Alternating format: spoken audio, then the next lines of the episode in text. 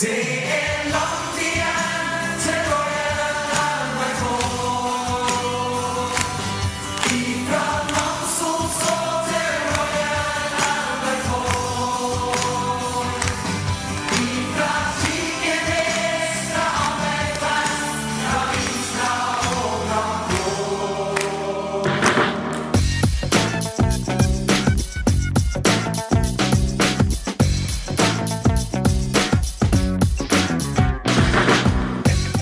på Psykologlunsj, populærvitenskapelig lunsjprat med psykologene Tommy, Jonas og Jan Ole.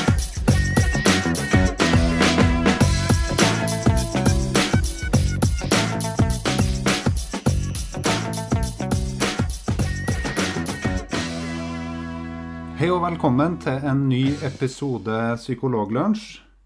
I dag så er vi litt eh, nedbemanna. Eh, vi har ikke opplevd en omstillingsprosess, men det er faktisk eh, pga. at eh, et av medlemmene våre er ganske mye i media for tida og har et eget TV-program sammen med en, en fysiker som vi ikke skal nevne navnet på. Og det er da ikke Tommy, for Tommy sitter på Melhus. Hei, Tommy. Hallo, Jonas. Det er, det er, litt, eh, det er litt kjipt at eh, Jan Ole har eh, prioriteringene sine så skrudd når det gjelder hvilke, hvilke medier han skal opptre i, altså. Ja. Det er jo Altså, jeg syns jo iTunes er liksom er på et nivå høyere enn NRK, da. Syns jeg. Ikke sant? Ja. Men vi er kjempeglade for at eh, Jan Ole og Andreas Wahl har kommet i gang med sesong to av Folkeopplysningen, som vi har venta på i sikkert 10-15 år. At de skulle komme i gang med det. Og vi har gleda oss noe vanvittig. Og de har gjort det veldig bra. Eh, Har du hørt, eh, fått med seertallene eller på de første episodene? ja, de var jo godt over 600 000 på første. Og Det er over omtrent som en gjennomsnittlig psykologlunsjepisode. Ja, det var vel den beste Altså det programmet som fikk best uh, seerrating den, eh, den dagen. Mm. Det tror jeg faktisk uh, de gjorde nå på søndagen òg. De var godt over 500 000, så, de, uh, så, uh, så likevel så det holdt seg stabilt høyt. Mm. det, det er bra. For den, altså. den første episoden, den var jo Den syns jeg var en eh, veldig god og informativ episode om supermat. Mm. Eh, Jeg visste ikke at supermat egentlig stamma fra eh, at, at du egentlig skulle kunne kjøpe sunne alternativer på superen. Mm. Ikke sant? Det, men det er jo Det var jo egentlig en veldig sånn fin historisk eh, gjennomgang av forløperen for, eh, for det som vi kjenner som supermat. Altså mer sånn frysetørra pulverform Ja, ikke sant? av, eh, av f.eks. kål og, og sånne ja, ja det, det var veldig morsomt. Og så nå sist så var det jo om eh, stråling, mobilstråling og sånt. Og det er jo det, det som jeg skrev litt på Twitter altså, det, det som er så flott, det er det at eh, i diskusjoner, eller det, er når du er i en eller annen situasjon hvor du krangler da, med folk, eller snakker med folk om det temaet de har vært inne på, så er det liksom så lett å kunne bare si at men du, kan ikke bare, ikke bare se den episoden her? Fordi at de gjør det liksom så enkelt og greit. De, du, det er litt vanskelig å be folk om å Kan du lese gjennom alle de her vitenskapelige artiklene her? Det er ikke like lett bestandig å få til. Men jeg syns de gjør akkurat det de skal gjøre. Folkeopplysning, populærvitenskapelig og lettfordøyelig. Ja, Og etterrettelig. absolutt. Og, det, og nå vet vi jo at uh, rett etter denne episoden her kommer eh, tilgjengelig på psykologisk.no, så er de ute med en om legemiddelindustrien. Mm. Og det, det blir en spennende episode. Og vi, Det blir kjempespennende. vi, vi kjenner jo ikke eh, noe mye til hva, hva egentlig som kommer opp der, så det blir jo kjempeinteressant for oss å følge med på. Og det også jeg liker veldig godt at uh, For etter første sesong så var det jo sånn at det var mange som var litt sånn Mange av de som tilhørte litt den leiren som hadde tro til på alternativ behandling og litt sånn, de var litt sånn sur over at ikke Hvorfor tar ikke dere og går eh, f.eks. legemiddelindustrien i sømmene, da? Og nå virker det jo som at de kanskje gjør det. Så det jo blir spennende. Ja, ja det blir kjempespennende. Um, Det er bra. Ja. Men da har vi ikke Jan Ole her i dag, da. Nei, det, det er synd, men vi har jo full forståelse for at Jan Ole har mye å gjøre. Og det, han har gyldig fravær, da, skal vi kalle det. Mm. Vi må nesten kalle det eh, Og han, men eh, vi regner med at han tar med meldingsboka for det på, til neste psykologlunsj. Det gjør vi. Det bør han gjøre. Og det bør det bør stå sånn Jan Ole kunne ikke være med på, psyko, eller på opptak i dag, og så underskrev Andreas. Ja, ja det, det syns jeg skal være. Og så skal det legges ut som bilde på, eh, på eh, Psykologlunsj Facebook-sida. Mm. Så Andreas, hvis du hører på, så må du fikse det. Ja. Yes, vi har vel et program vi òg som vi skal være gjennom. Eh, Vi skal eh, snakke litt om, om sang. Skal vi gjøre? Ja, Ja. Det skal vi, for du, eh, du holder nå på med doktorgraden din, Jonas, ikke det? Og så blir du invitert her og der for å fortelle om eh, musikere og helse, gjør ikke det? Nå, for en stund siden så var du jo litt eh, vet, Har vi snakka om det? At du var, du var en del i media i forbindelse med Lene Malin og det? Snakka vi om det forrige gang? Nei, vi gjorde ikke det, for vi hadde opp- opptaket rett før eh, den episoden. Ja. Eller før, Fordi- før, før den kronikken kom. Den kronikken kom vel samme dagen som vi hadde opptak, tror jeg. Ja, for det som var greia var jo at Lene Marlin eh, skrev jo et veldig flott innlegg i Var det Aftenposten? Eller Dagbladet? Ja, En veldig, veldig god kronikk i Aftenposten. Ja, om eh, hvordan hun har uh, strevd med, med psykiske plager og, og depresjoner og hadde det ganske trassig, da. Eh, og skrev en veldig sånn åpenhjerta og ærlig beskrivelse av det. Mm. Og så ble da, Det var den dagen på jobb hvor Jonas ikke fikk gjort så mye. For da begynte jeg plutselig å ringe en del folk til deg. Ja, det, det gjorde det. Det, var, det ble en del kontakt, fordi at jeg driver jo på med et doktorgradsprosjekt som handler om musikerhelse, og hvor jeg ser på søvnplager og på angst- og depresjonsplager og bruk av helsetjenester hos musikere. Mm. Eh, Så i forbindelse med det så, så ønska jeg meg at jeg skulle gi en uttalelse om eh, hvordan det gikk i det prosjektet. Og selv om Mm. det ikke altså, Det er jo vanskelig når man skal uttale seg om sånne ting, fordi at eh, du kan jo ikke trekke du kan, jo, du kan jo liksom ikke trekke resultatene du får fra en sånn undersøkelse til enkeltpersoner eller enkeltsituasjoner og sånne ting. Eh, Mm. Men, men likevel så vurderte jeg det sånn at, eh, at jeg kunne ta opp noen av resultatene for å belyse, belyse eh, hva er det Hvilken type vansker er det som beskrives i det, i det blant personer som har det her yrket. da.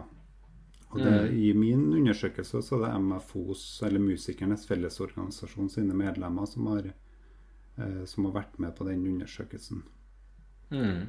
Eh, og i forbindelse med det også, så eh, gjorde jeg jo flere radiointervju og, en, eh, og uttalte meg til både Aftenposten og, og NRK.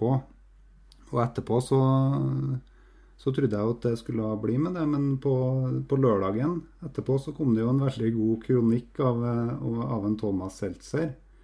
Mm. Hvor, eh, hvor han kritiserer en av uttalelsene mine, og så- som jeg i etterkant ser at jeg nok kunne ha vært mer sånn nyansert eller mer, mer gjennomtenkt før jeg, før jeg tenkte Før jeg begynte å, å, å reflektere åpent med den journalisten som ringte meg fra NRK. Det er litt sånn, Hvis folk husker hvordan man Det er jo sikkert alle som hører på hvordan er det man egentlig gjør en sånn doktorgrad, men hvis folk husker liksom ifra de der eh, lab-rapportene man måtte skrive på videregående, så hadde du liksom du en sånn eksperimentdel, og så hadde du hvor du beskrev metoden og sånn, og så hadde du en sånn resultatdel, og så hadde du en sånn diskusjonsdel på slutten. Og det er jo litt den der diskusjonsdelen du kanskje Ja. for deg litt når du snakka med journalister, da, hvor man kanskje har tillatt seg å spekulere litt uten at det nødvendigvis er nødt til å være helt begrunna i de resultatene dine. da.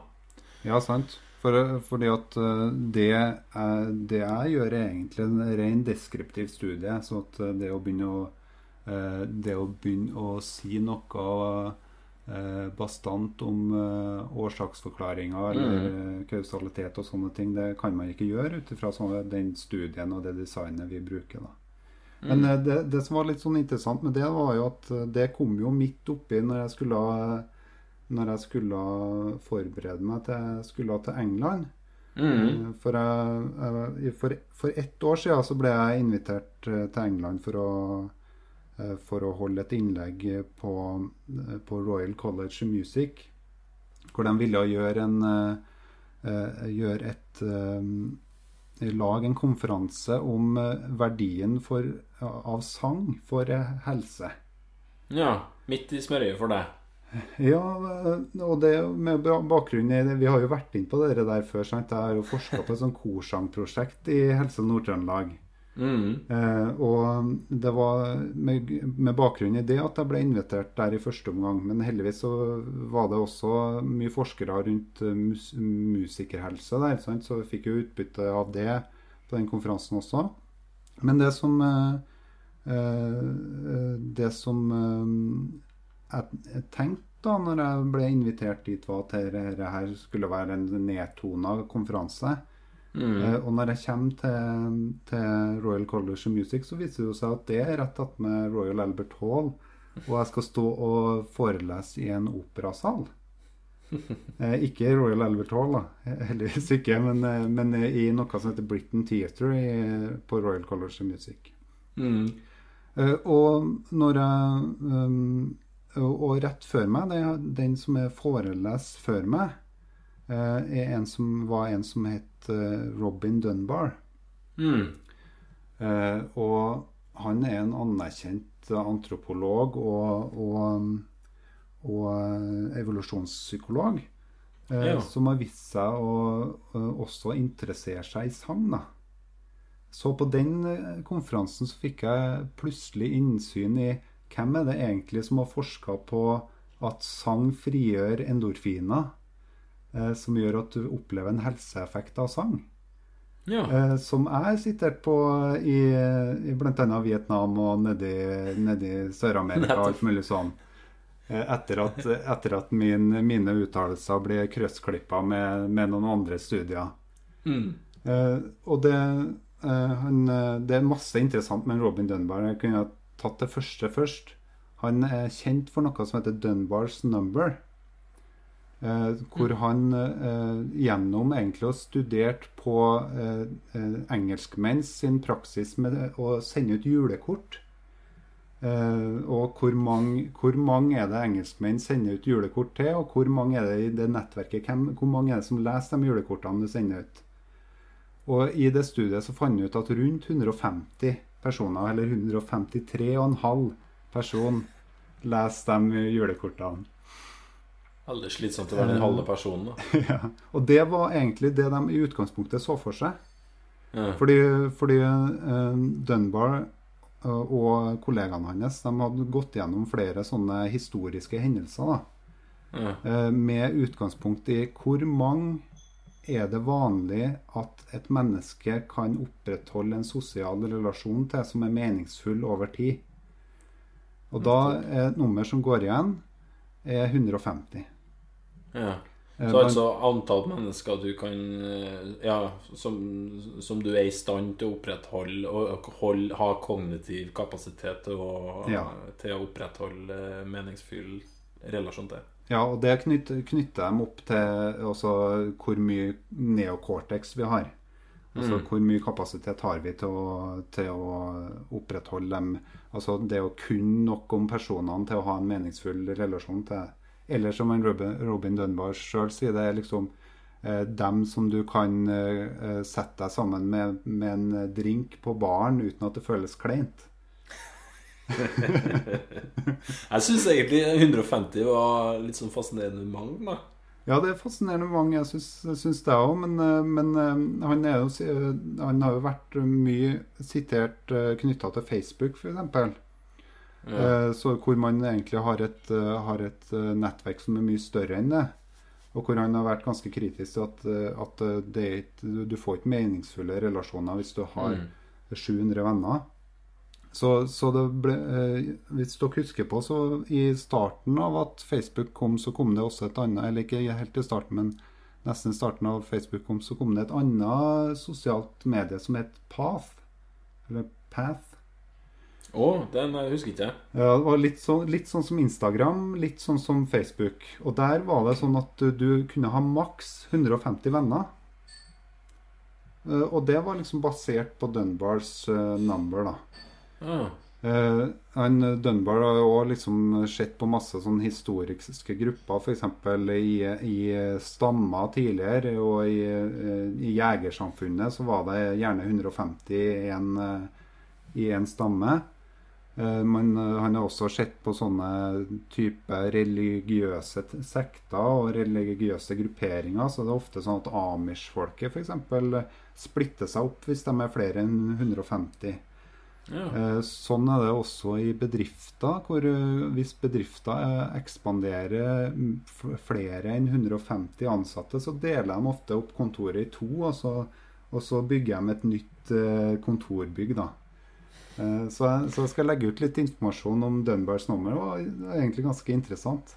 ja. Men det, det er også en Robin Dunbar har forska på grunnen til at han var her for sang. Det, det var fordi at han, eh, han har forska på at um, han har sett på Har sang noe å si for smertetoleranse? Å, Ja.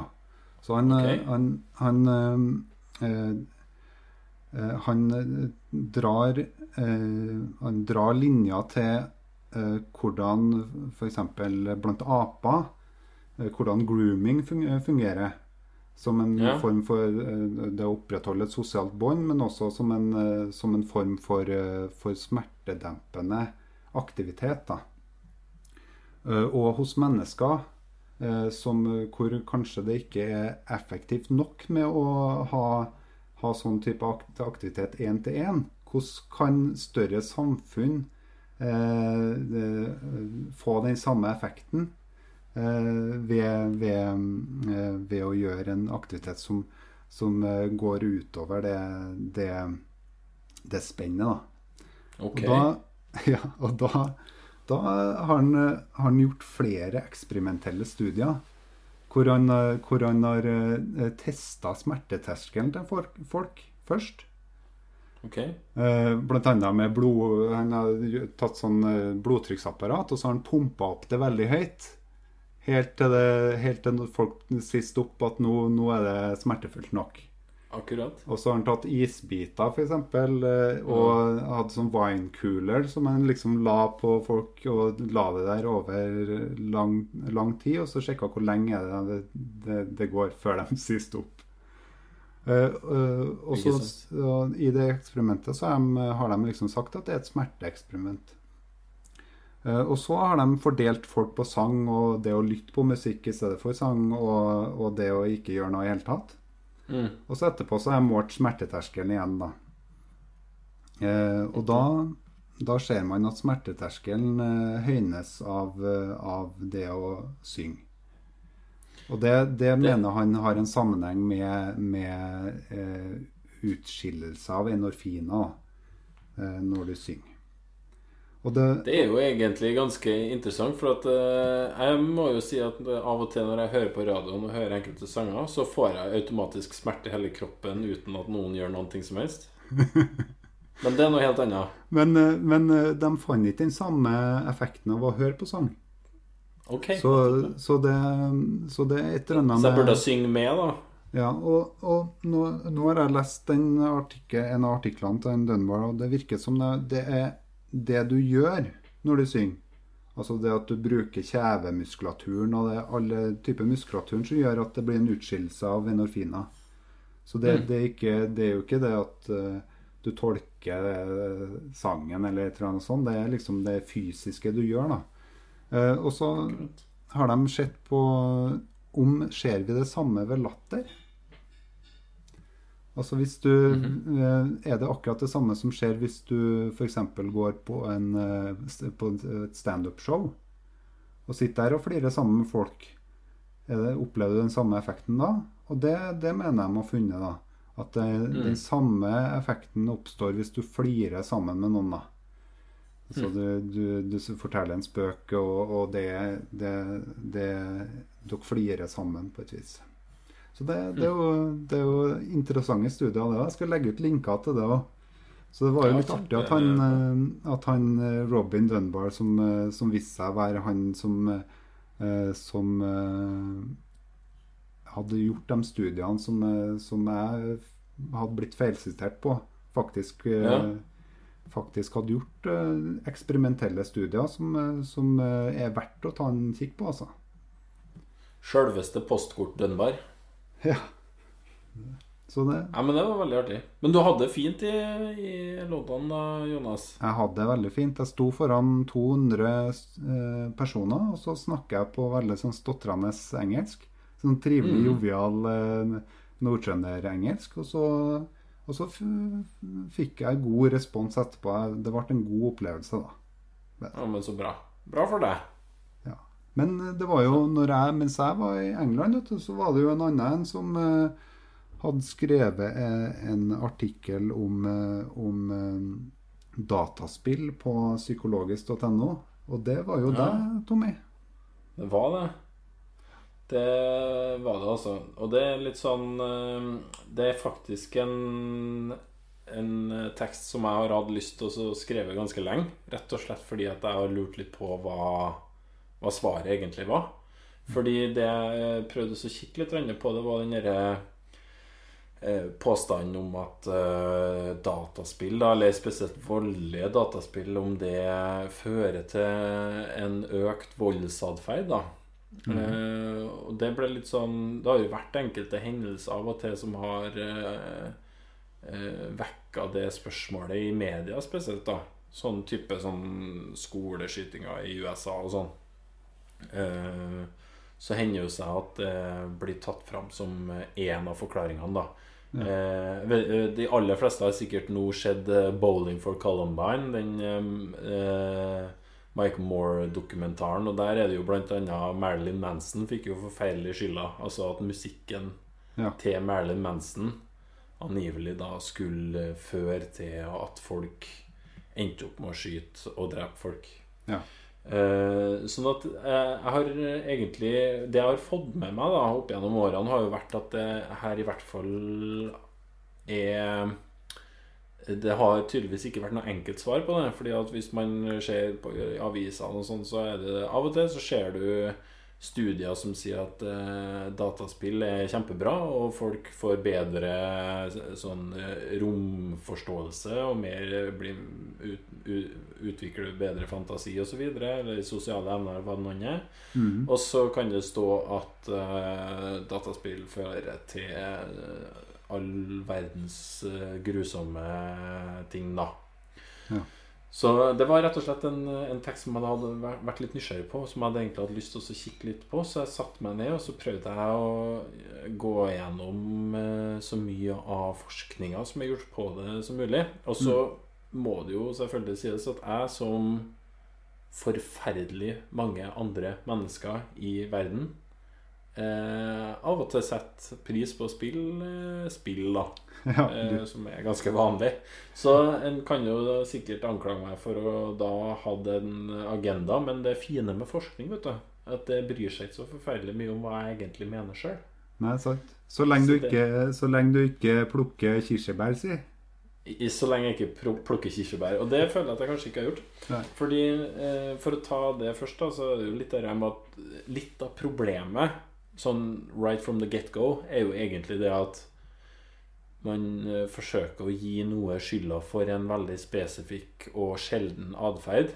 Mm. Eh, og den faktoren som man da prøver å gi skylda, er noe som er langt vanligere, da. Sånn at det er jo litt sånn eh, For å sette litt på spissen, du kunne ha sagt at alle de her personene som endte opp med å skyte folk på de her skolene, eh, drakk også kaffe.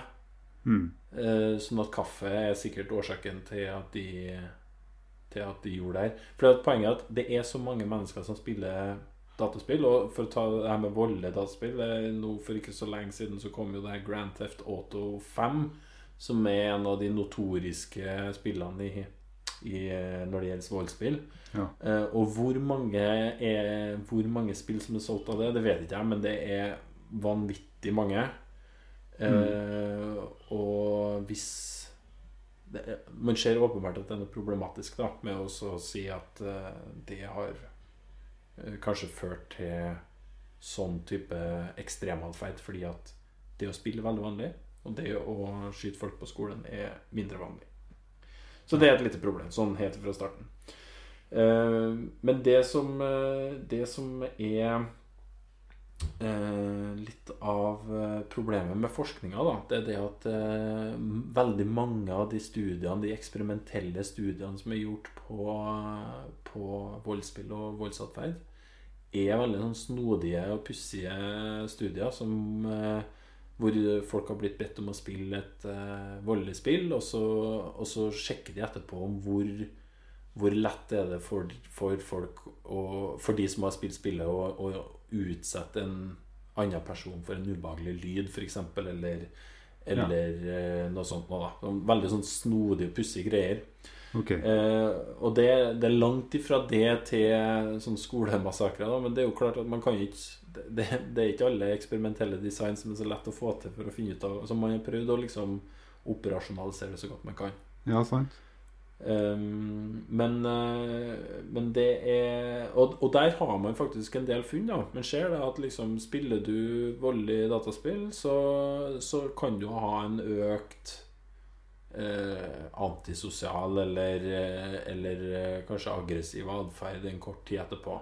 Okay. Eh, men eh, det er veldig sånn tilstandsavhengig. Det er litt sånn som Hvis du har sett en, eh, en film, så kan du ha en, ha en sinnsstemning etterpå. Eller hvis du har lest en bok, så kan du eh, jeg, jeg, Det enkelte bøker jeg som har liksom forandra Kjenner jeg hele, hele hvordan jeg opp, oppfører meg resten av dagen omtrent, fordi at jeg, det har påvirka meg så kraftig. Mm. Eh, eller eh, Eller eh, Du kan ta som et, et eksempel i den teksten at du, til og med en vits som du hører, er jo med å påvirke sinnsstemninga di. Ja. Men fører det til endring av atferd, og fører det til personlighetsforandringer og, og, og litt mer omfattende endringer, og det er det litt mer spørsmål om det gjør, da.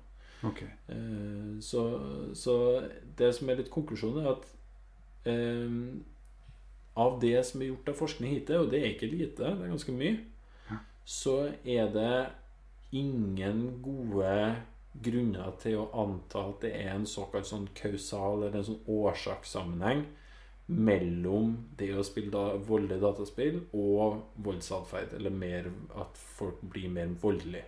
Ja. Um, men det er en del som tyder på at tredjevariabler, variabler, eller tredjefaktorer, er med å påvirke både spillpreferanser og atferd. Så for eksempel har du hatt, eh, fått en dårlig, dårlig oppvekst dårlige kår og dårlige familieforhold og, og kanskje har psykiske problemer osv. fra starten av, så kan man se at enkelte både er mer aggressive og, og voldelige i atferden sin, og at de også velger mer voldelige spill. Men det er ikke nødvendigvis en begrunnelse for at voldsspill fører til voldsatferd. Det er noe annet som fører til begge de to Ja, eh, tingene. da sant. så, så det er egentlig det som vi har hittil. Da. Det er rett og slett det. det vi har ikke noen god grunn til å anta at eh, voldespill fører til en endring i atferden. På, på hvert fall ikke på så store gruppenivå at, det med, at vi kan oppdage det.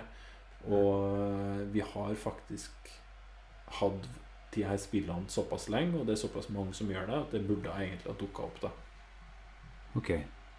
og det er litt den samme, det er litt den samme historien som har dukka opp hver gang det har kommet et nytt Nytt type medium da på markedet, sånn som eh, TV, eh, som eh, videofilmer Ja. og osv. Det, det er liksom det samme som gjentar seg hele tida. At eh, hver gang det kommer noe nytt og, og litt ukjent, så, så er det automatisk at man tror at det har en mye mer negativ konsekvens enn det det viser seg å ha.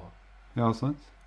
Det, men eh, eh, det du egentlig ville ha vite, var vel om, eh, om du kunne ha fortsatt å spille dataspill uten at, eh, uten at eh, du trenger å skamme deg over det? Med god samvittighet. Ja, Nei, for at en av de tingene som er fortsatt viktig å ta med seg, tror jeg, eh, er det her med Det er jo en del barn også, eller ungdom, da, som, eh, som får tilgang på eh, eksempelvis Grand Theft Auto, som er et helt klart og tydelig aldersgrense 18-spill. Altså det er 18 år. Det, det er ikke et spill som er laga for barn, helt åpenbart. Eh, og det uh, at foreldre bør følge med det litt, det er nok noe som uh, er ganske viktig uansett. Men ikke nødvendigvis fordi at du Du lager en dyssosial og, og antisosial person ut av det, men fordi at barn ikke nødvendigvis har en forutsetning for å forstå det som kanskje spillene viser fram. Mm. Det kan gi dem angst og urohet med sånt, akkurat som voldsfilmer, eller hva det nå er. Eh, Ja. ja.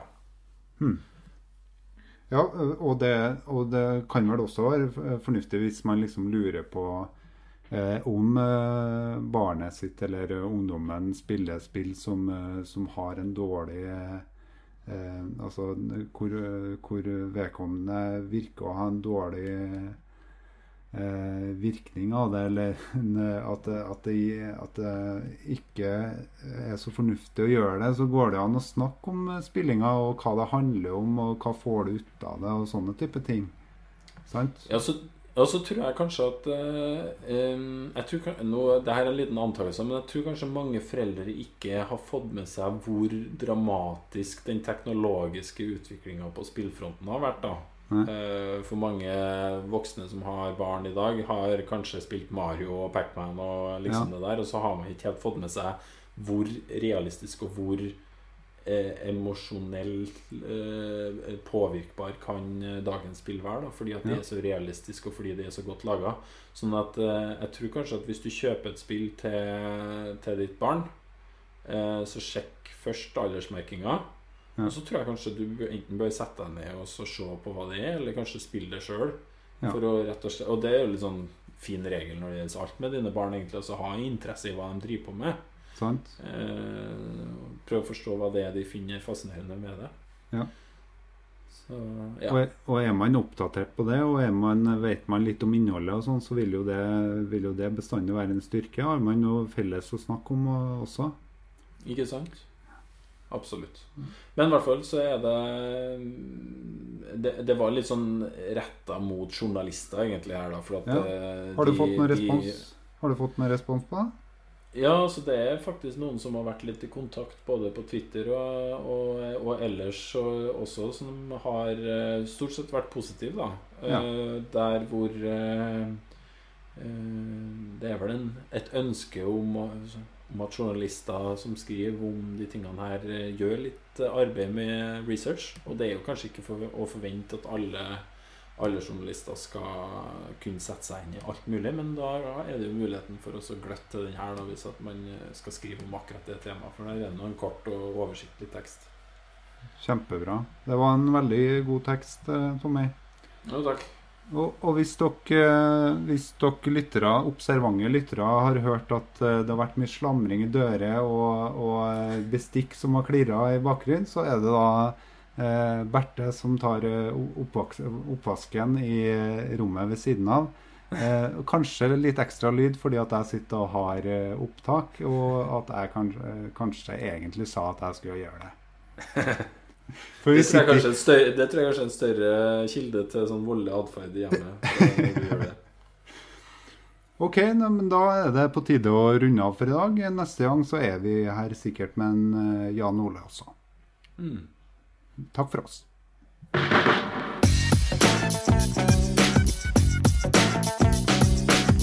Du har nå lytta til Psykologlunsj. Har du noen spørsmål, kan du søke opp Psykologlunsj på Twitter, eller du kan sende en e-post til psykologlunsj alfakrøll.gmail.com. Mer informasjon om temaet du har hørt i dag, finner du på psykologibloggen.no og tankesmed.no.